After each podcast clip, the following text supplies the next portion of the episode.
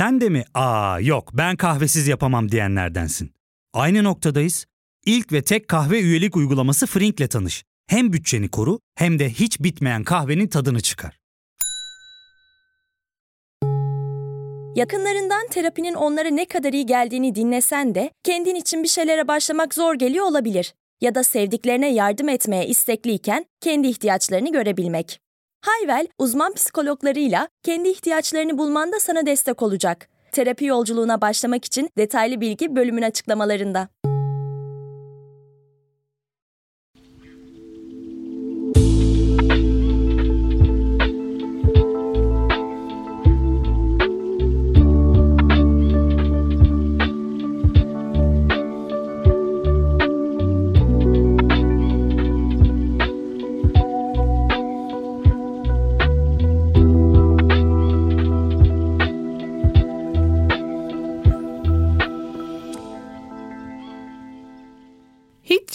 Birine çok yakın olmak isteyip bir yandan da ona yakın olmaktan ölesiye korktunuz mu? Hiç bir ilişkin içerisine girmeye çalışırken karşınızdaki insan da size olumlu yaklaştığında bir anda kendinizi kaçıp gitmek isterken buldunuz mu?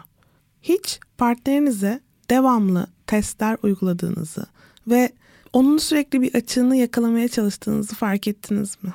Eğer bütün bunlar size tanıdık geliyorsa belki de korkulu kaçınganlık yaşıyorsunuzdur. Şimdi bu tabir biraz zor. Zaten az da duyduğumuz, nedense üzerine az konuşulan bir kavram.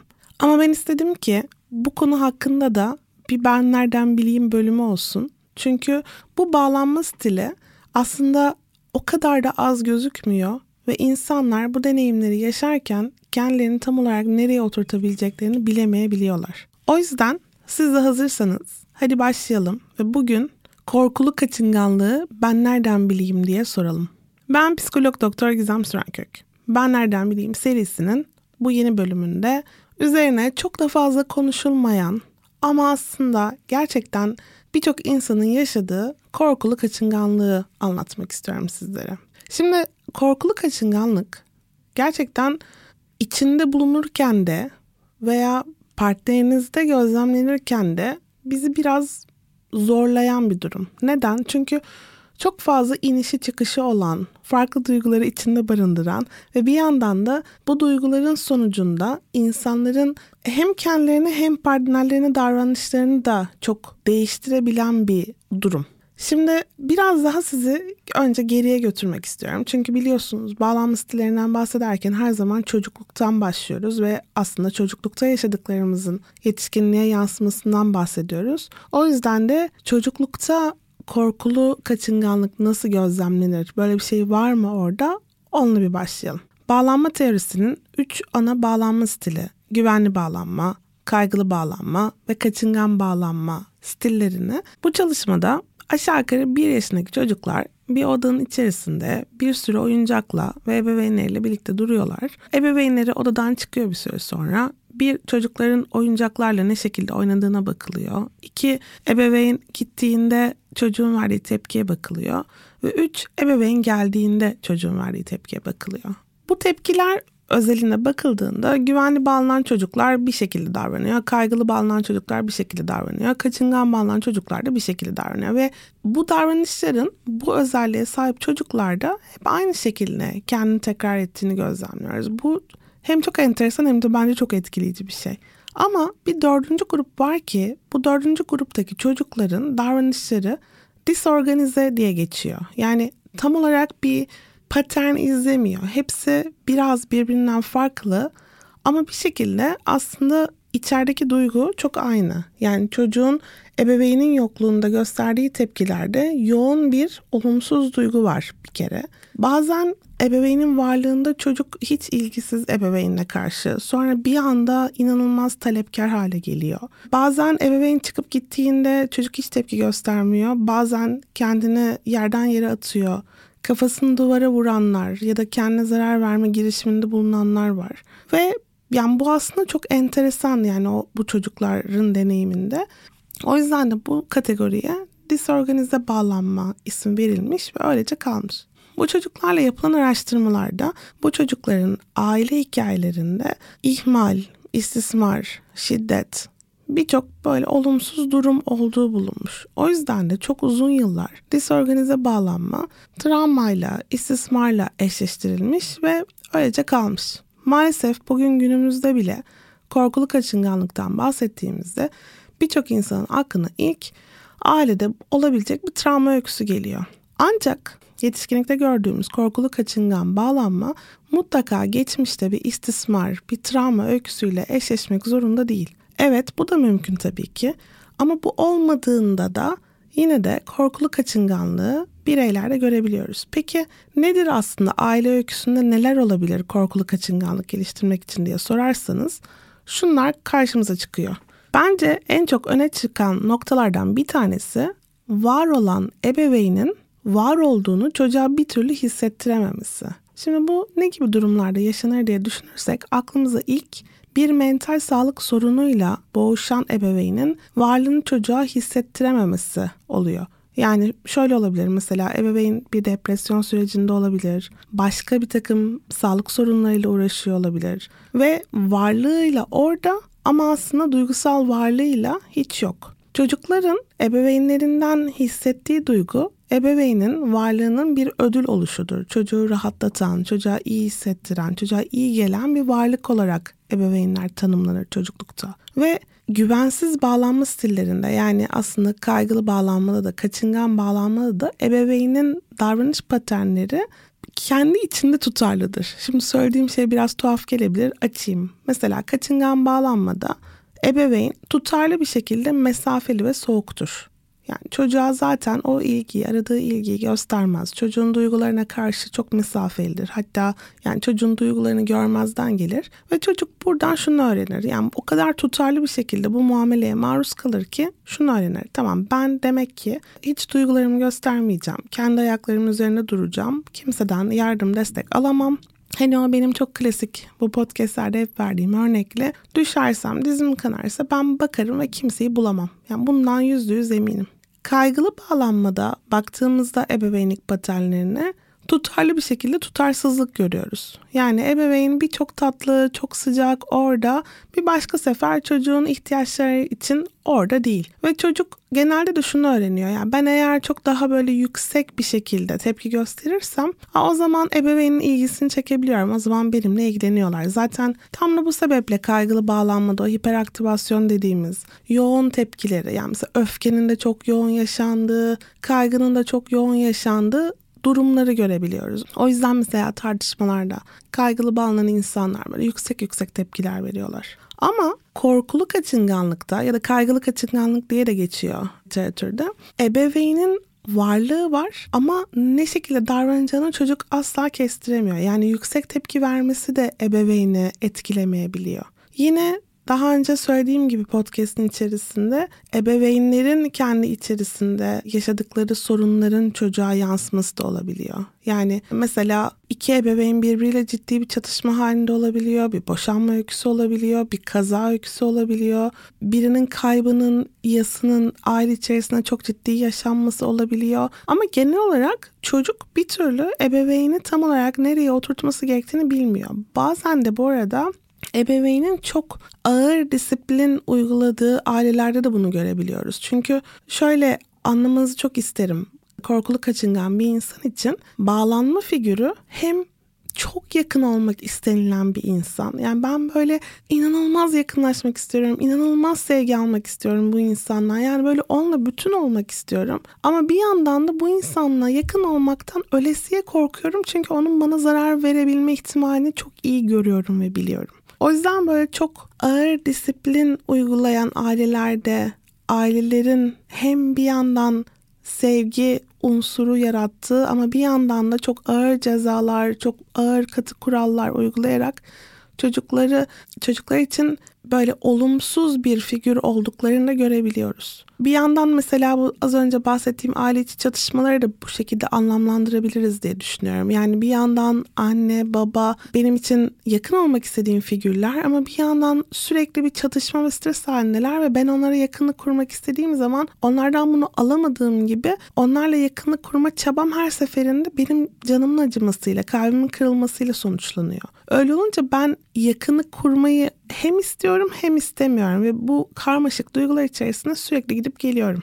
Şimdi çocukluk öyküsünde böyle gördüğümüz bu bireylerin yetişkinlikte nasıl davranabileceklerini, neler yaşayabileceklerini bir konuşalım. Hatırlayın bu bireyler inanılmaz derecede yakınlık arzuluyorlar. Gerçekten yetişkinlikte bu insanların ilişki kurmaya çok ihtiyaçları var. Romantik ilişkiler, arkadaşlık ilişkileri, iş arkadaşlarıyla ilişkiler. Bu ihtiyaç hiç bitmiyor ve bu çok yoğun bir şekilde hissediyorlar bu ihtiyacı. Yani burada aslında korkulu kaçıngan bireylerin kaçıngan bireylerden farkını görüyoruz. Çünkü kaçıngan bireylerin genel mantığı ben kimse yoksa da ben iyiyim yani ben kendime yeterim. Ama korkulu kaçıngan bireyler öyle değiller. Onların gerçekten ihtiyaçları var ve bu ihtiyacın farkındalar, dile de getiriyorlar. Bir yandan o kadar yoğun bir terk edilme veya kalplerinin kırılması korkusunu yaşıyorlar ki en ufacık bir yakınlık sinyali onlara aynı esnada kalplerinin kırılabileceği duygusunu hissettiriyor. Bunun ne kadar yorucu bir şey olduğunu ancak yaşayan bilir diye düşünüyorum. Çünkü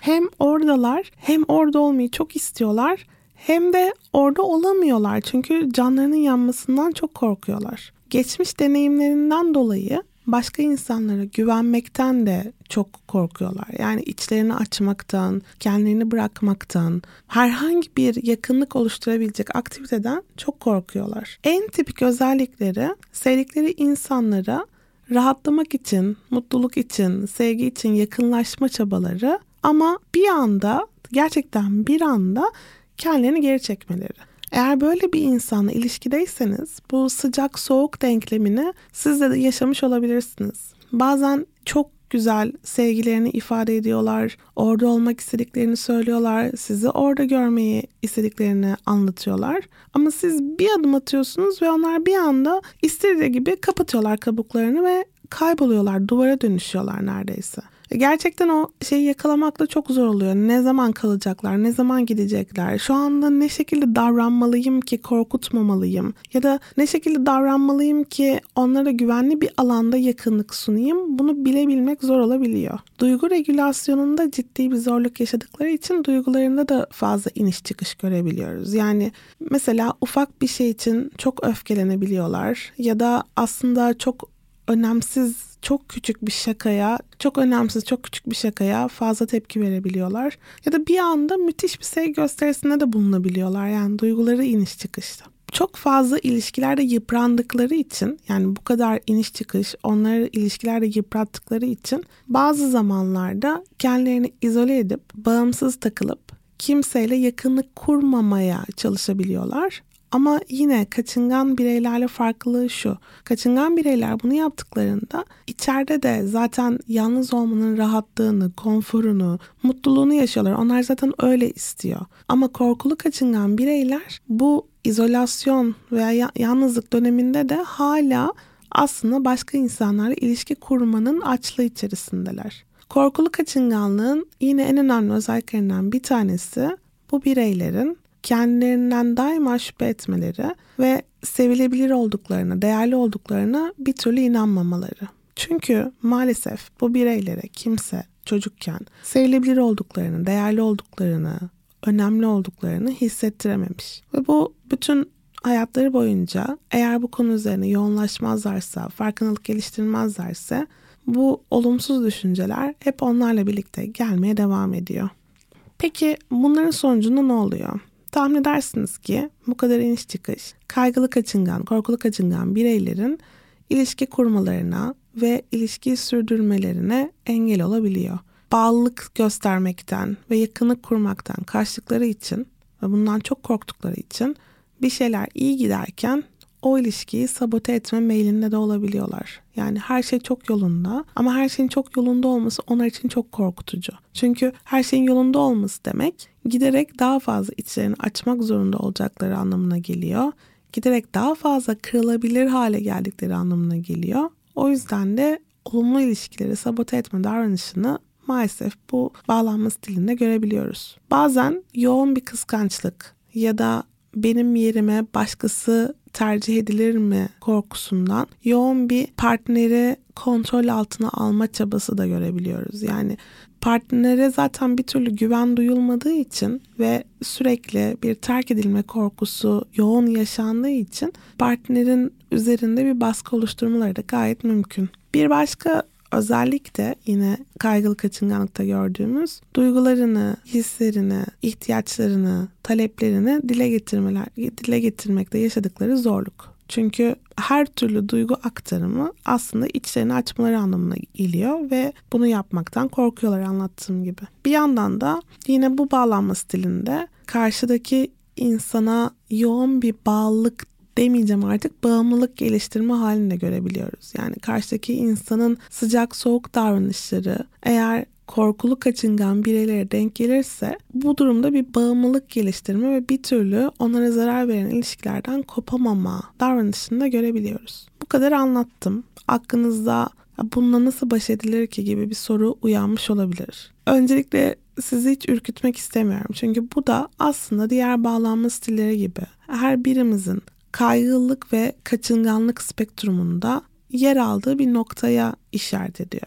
Ve her zaman söylediğim gibi spektrumda hareket edebilmemiz mümkün. Yani ben bugün yoğun bir şekilde kaçınganlık gösteriyorsam aslında benim bu ihtiyaçlarıma hassas yaklaşan bir partnerle kaçınganlık spektrumunda yukarıdan aşağıya doğru ilerleyebilmem mümkün.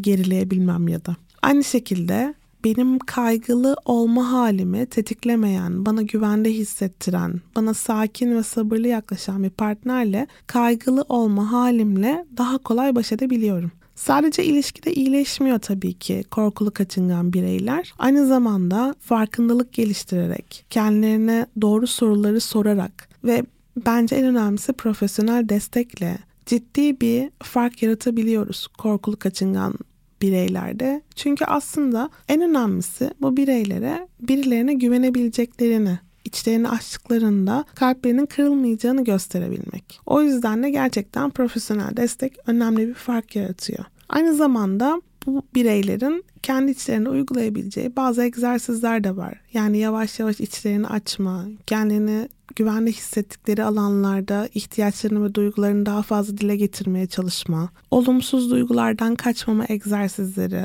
bir şey beni rahatsız hissettiriyorsa bile o duyguyla bir süre kalabilirim ve deneyebilirim. Çünkü o duygu illa çok olumsuz sonuçlanmak zorunda değil. Bakış açısını entegre edebilmek için bu tip egzersizler de gerçekten iyi geliyor. Şimdi kısa bir ara verelim. Dönüşümüzde birazcık daha size korkulu kaçınganlığın özelliklerini anlatmaya devam edeceğim. Ya fark ettin mi? Biz en çok kahveye para harcıyoruz. Yok abi, bundan sonra günde bir. Aa, sen Frink kullanmıyor musun? Nasıl yani? Yani kahvenden kısmına gerek yok. Frink'e üye olursan aylık sadece 1200 TL'ye istediğin çeşit kahveyi istediğin kadar içebilirsin. Günlük 40 TL'ye sınırsız kahve mi yani? Çok iyiymiş. Aynen. Hatta şu anda 200 TL'lik bir indirim kodu da var. E hadi hemen indirip üye ol da bu fırsatı kaçırma. Terapiye başlamak, içinden çıkamadığın döngüleri kırmak, bazı yanlış bulduğun kararlarını değiştirmek ve kendinle beraber daha huzurlu bir yaşam inşa etmek için atabileceğin en değerli adımlardan biri. Hayvel ile yoğun yaşam tempona uyum sağlayarak online terapi seanslarını takvimine göre ayarlayabilirsin. Bini aşkın uzmandan sana en uygun terapisti seçebilir, podb10 koduyla indirimden yararlanabilirsin. Detaylı bilgi açıklamalardaki bağlantıda. Bu duygusal salınımlardan bahsettim. Zaten aslında dedim ki duygusal salınımlar korkulu kaçınganlığın en belirgin özelliği. Bunlar nasıl ortaya çıkabilir yani ne hangi işaretleri görebiliriz diye tekrar birazcık daha detaylandırmak istiyorum. Korkulu kaçıngan bireyler sürekli olarak reddedildiklerini veya terk edileceklerini onlara gösteren işaretleri ararlar. Yani hani daha önceki podcastlerde denk gelmiştir, duymuşsunuzdur reddedilme hassasiyeti diye bahsettiğim kavramdan. Reddedilme hassasiyeti en yoğun bir şekilde bu bireylerde yaşanıyor. Yani o sürekli ben nereden zarar göreceğim? Aman bu insan beni nereden yaralayacak duygusuyla devamlı ben bir olumsuzluk arıyorum. Olumsuzluk işareti tarıyorum. Öyle olunca zaten sürekli tetikteyim ve gelen en ufacık işarete çok yoğun tepki gösteriyorum. Bu aşırı tetikte olma hali korkulu kaçınganlığın önemli bir özelliği. Yine bu kadar yoğun korku yaşadığım için ve olumsuz duyguların beni bir anda sarı vermesi gerçekten aslında çok yorucu bir şey olduğu için benim zihnim için duygularımdan, hatıralarımdan kopabiliyorum. Yani disasosyasyon dediğimiz hani ben şu anda neredeyse hissizleşiyorum durumlara karşı halinde yaygın bir şekilde yaşayabiliyorlar bu bireyler. Aynı zamanda yoğun öfke atakları ya da böyle bir anda ağlama krizleri, hiç beklemedikleri bir anda duyguların aniden ortaya çıkışı gibi patlama durumlarında yine yaşamaya meyilli oluyorlar. Ve bu az önce söylediğim yani sıcak soğuk davranışlar yani.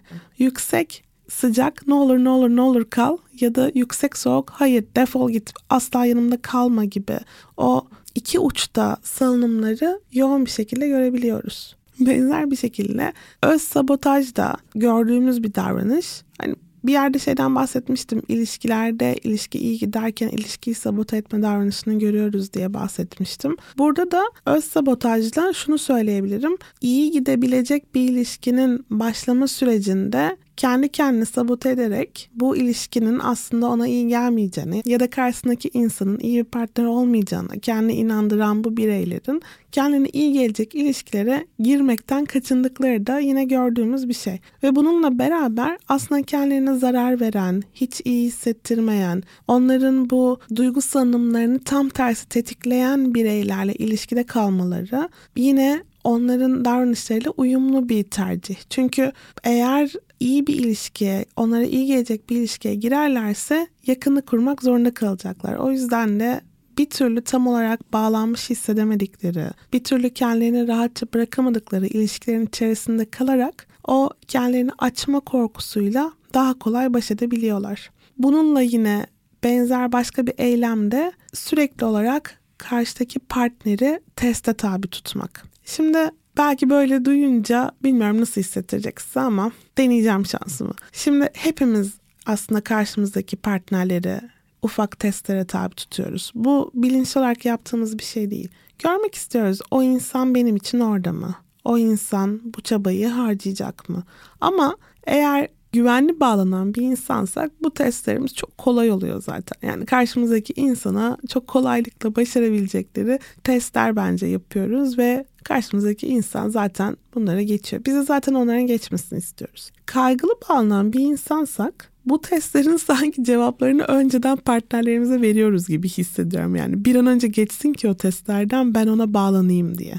Kaçıngan bağlanan bir insan bence testlerini biraz daha zor yapıyor. Yani o testlerden geçmek mümkün ama diğer bağlanma stillerine göre biraz daha zor. Korkulu kaçınganlar ise testlerini hileli yapıyorlar arkadaşlar. Yani o soruların cevaplarını doğru vermek imkansıza yakın. Çünkü sistem doğru cevabı bulduğunuzu düşünüyorsunuz. Soruların yerleri değişiyor gibi düşünebilirsiniz. Yani zaten aslında karşıdaki insanın onlar için orada olmayacağını görmek istedikleri için onların orada olmalarından çok korktukları için o testleri çok zor, çok hileli yapıyorlar. O yüzden de birçok ilişki başlasa bile partner bu testleri geçemediği için bir şekilde bitiyor. Şimdi şu zamana kadar hep romantik ilişkiler hakkında konuştum. Hep partner partner hep bu insanların başka hayatlarında alanlar var. Buralarda nasıl davranıyorlar? Biraz da bunun hakkında konuşalım isterim. Arkadaşlıklarına baktığımız zaman korkulu kaçıngan bireylerin arkadaşlık hayatlarında da kendilerini başka insanlara açma ve derin bağlar kurabilme konusunda zorluklar yaşadığını görüyoruz. Çünkü arkadaşlıkta da reddedilmekten veya kandırılmaktan, bir şekilde ortada bırakılmaktan çok korkuyorlar. Yine arkadaşlarına karşı da biraz daha kontrolcü, birazcık daha hesap soran bir tavır görebiliyoruz. Yine benimle değil de başkasıyla görüşmek istiyor arkadaşım şu kısıtlı zamanında duygusunu daha yoğun yaşayabiliyorlar. Arkadaşların da içlerini açmakta ve taleplerini söylemekte çok zorlandıkları için onlara destek verebilmek de çok zor hale geliyor.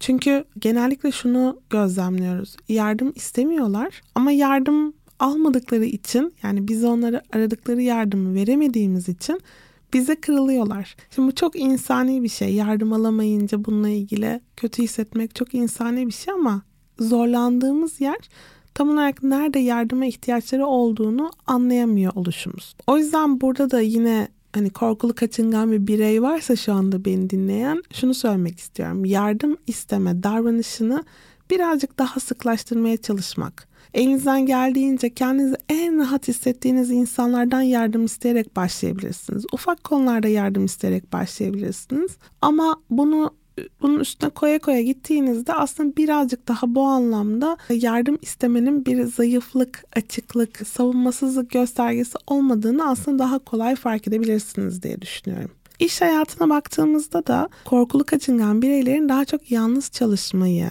tercih ettiklerini görüyoruz. Çünkü başka bir insana güvenmek, başka bir insanla beraber iş yapmak aslında savunmasızlık getiriyor ve bundan kaçındıkları gözlemlediğimiz bir şey. Yine öz sabotaj davranışlarını iş hayatında da görüyoruz. Mesela önlerine çıkan fırsatlara başvurmamak, onları zaten yapamayacağını varsaymak ya da bazen kendilerine güvenmekte zorlandıkları için normalde hiç yapmayacakları hataları yapmak. Yine rastladığımız bir durum.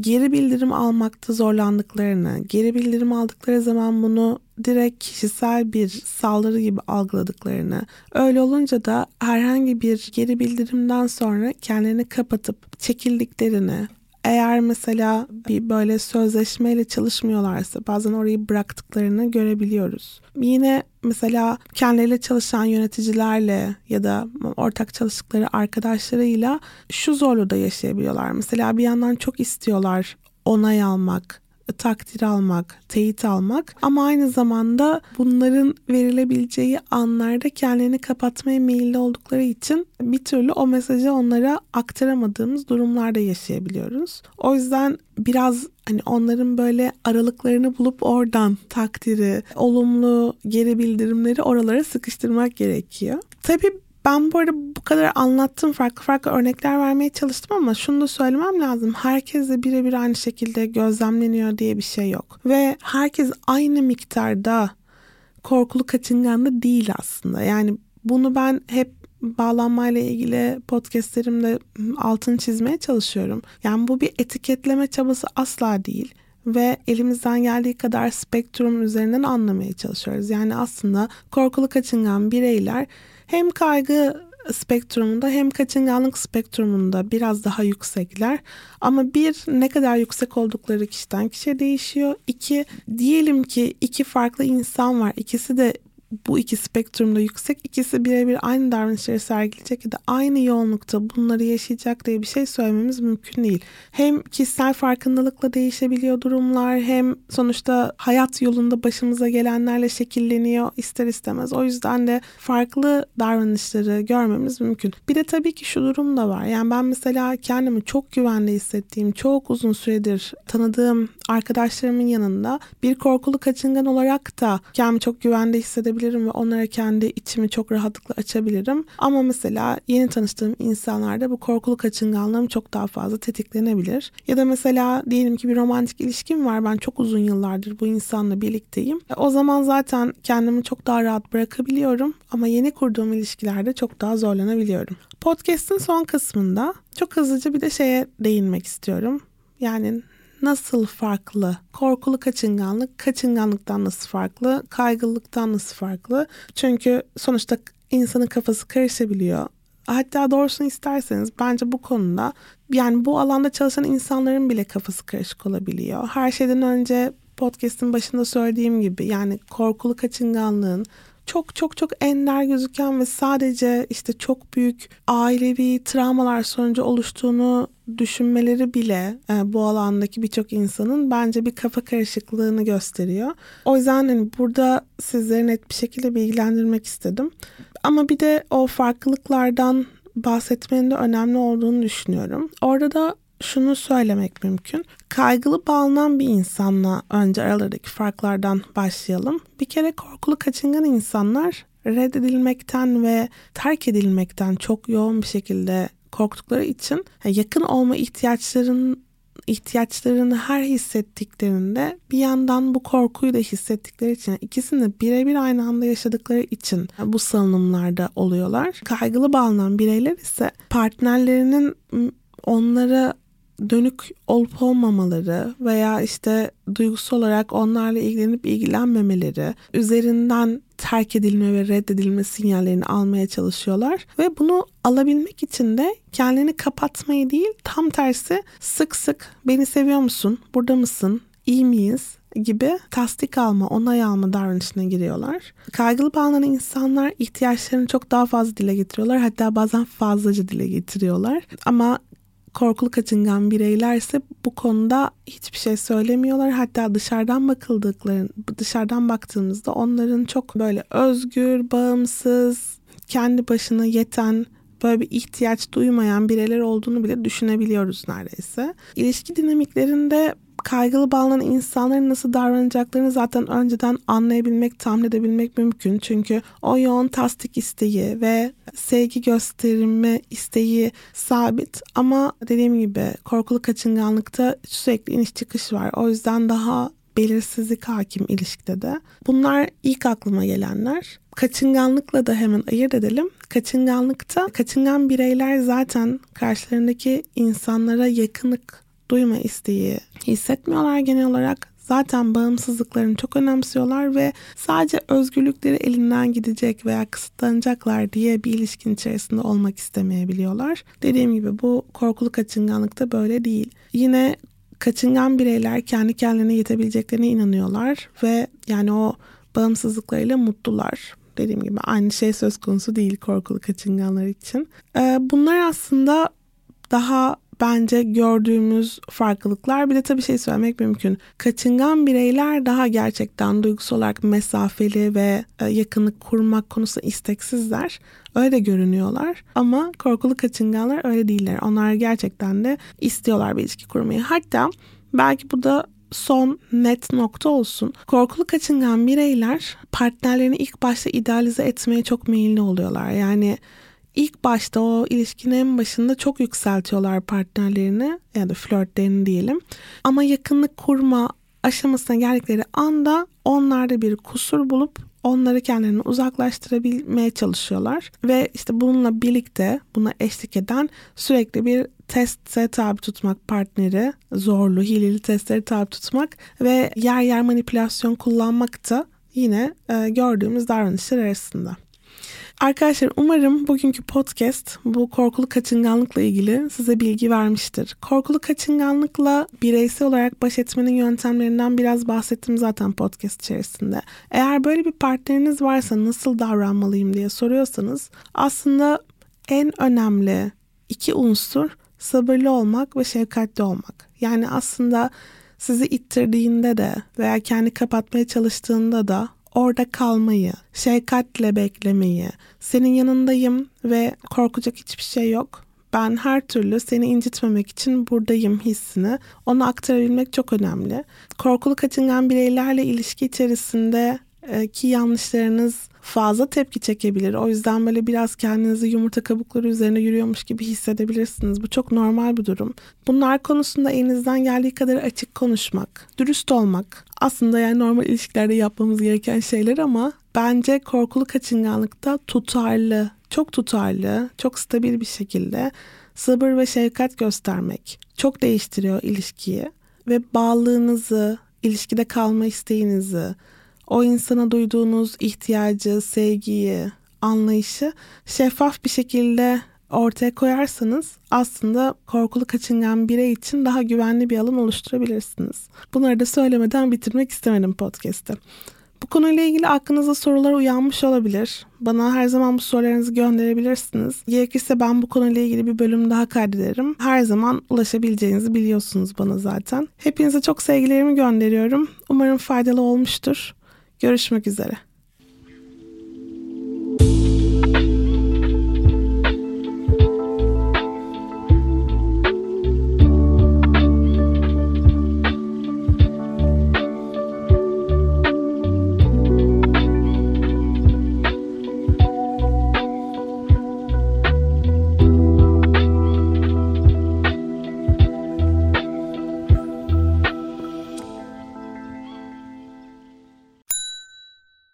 Ve tek kahve üyelik uygulaması Frink, 46 ildeki 500'den fazla noktada seni bekliyor.